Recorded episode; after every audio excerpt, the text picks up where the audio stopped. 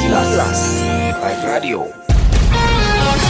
Lembaga Produksi Siaran PRSSNI Wilayah Priangan menyampaikan Kilas Radio.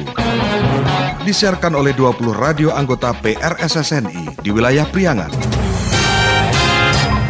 Inilah Kilas Radio bersama saya Ganang Parto.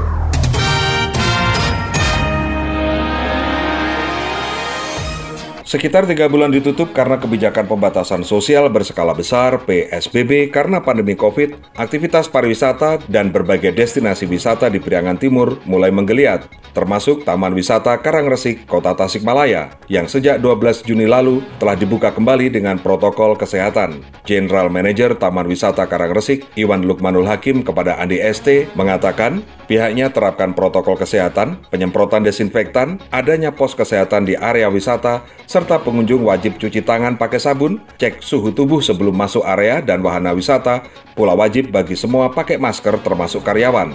Menurut Iwan, pemberlakuan protokol kesehatan berdampak pada jumlah pengunjung.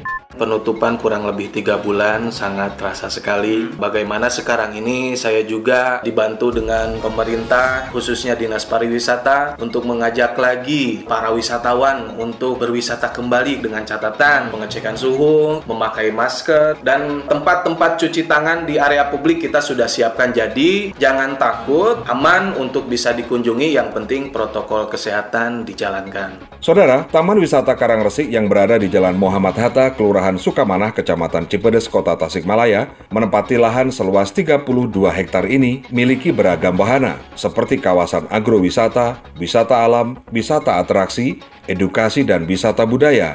Tiket masuk 15.000 per orang untuk masuki area lain seperti Flying Fox, Arung Jeram, Farmhouse, dan Waterboom, pengunjung harus membayar lagi Rp20.000.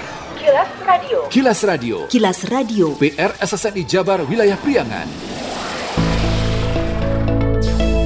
Sekian kilas radio. Saya Ganang Parto. Salam PRSSNI. Kilas, kilas. Radio.